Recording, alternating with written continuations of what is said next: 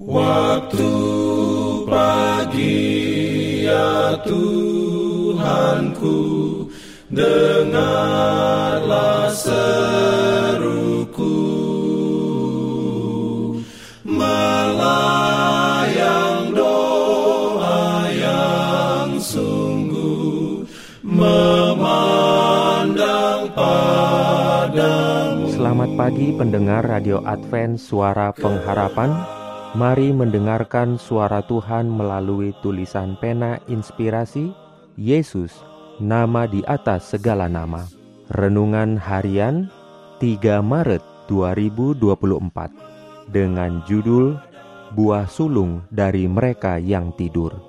Ayat inti diambil dari 1 Petrus 1 ayat 3. Firman Tuhan berbunyi, Terpujilah Allah dan Bapa Tuhan kita Yesus Kristus yang karena rahmatnya yang besar telah melahirkan kita kembali oleh kebangkitan Yesus Kristus dari antara orang mati kepada suatu hidup yang penuh pengharapan. perlindungan dalam pimpinannya. Urayanya sebagai berikut. Ketika suara malaikat yang berkuasa kedengaran di kubur Kristus mengatakan, Bapamu memanggil engkau, juru selamat pun keluarlah dari kubur oleh hidup yang ada dalam dirinya sendiri. Sekarang kebenaran perkataannya dibuktikan. Aku memberikan nyawaku untuk menerimanya kembali. Aku berkuasa memberikannya dan berkuasa mengambilnya kembali. Di atas kubur Yusuf, yang telah terbuka, Kristus telah mengumumkan dalam kemenangan, "Akulah kebangkitan dan hidup." Perkataan ini dapat diucapkan hanya oleh Allah. Segala makhluk yang diciptakan hidup oleh kehendak dan kuasa Allah. Merekalah penerima hidup dari Allah dalam keadaan tidak berdiri sendiri. Dari serafim yang tertinggi sampai dengan makhluk hidup yang paling hina, semuanya diisi kembali dari sumber kehidupan. Hanya Dia yang satu dengan Allah dapat mengatakan, "Aku mempunyai kuasa menyerahkan hidupku, dan aku mempunyai kuasa untuk mengambilnya kembali."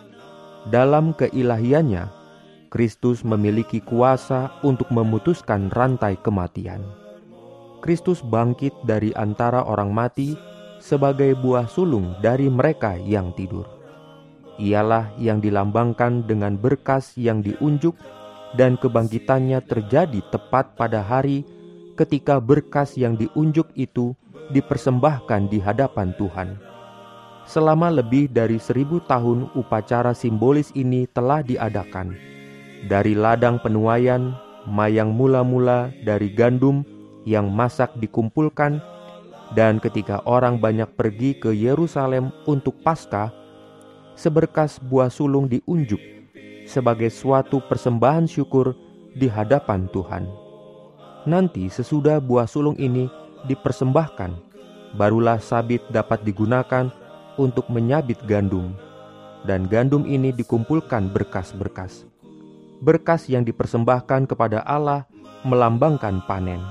Kebangkitannya melambangkan dan menjamin kebangkitan segala orang benar yang sudah mati. Ketika Kristus bangkit, ia membawa banyak tawanan dari kubur. Gempa bumi pada saat kematiannya telah membuka kubur mereka, dan ketika bangkit, mereka keluar dengan Dia. Merekalah yang telah bekerja bersama-sama dengan Allah, dan yang dengan mengorbankan jiwa mereka sendiri telah memberikan kesaksian tentang kebenaran. Sekarang mereka harus menjadi saksi baginya dan telah membangkitkan mereka dari antara orang mati. Renungkan lebih dalam bagi Anda.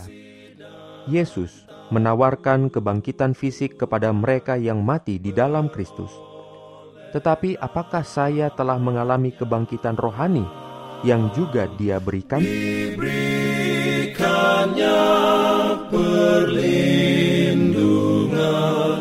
Dalam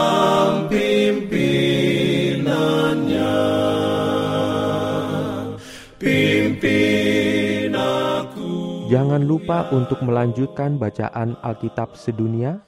Percayalah kepada nabi-nabinya yang untuk hari ini melanjutkan dari buku Yeremia pasal 35. Selamat beraktivitas hari ini. Tuhan memberkati kita semua.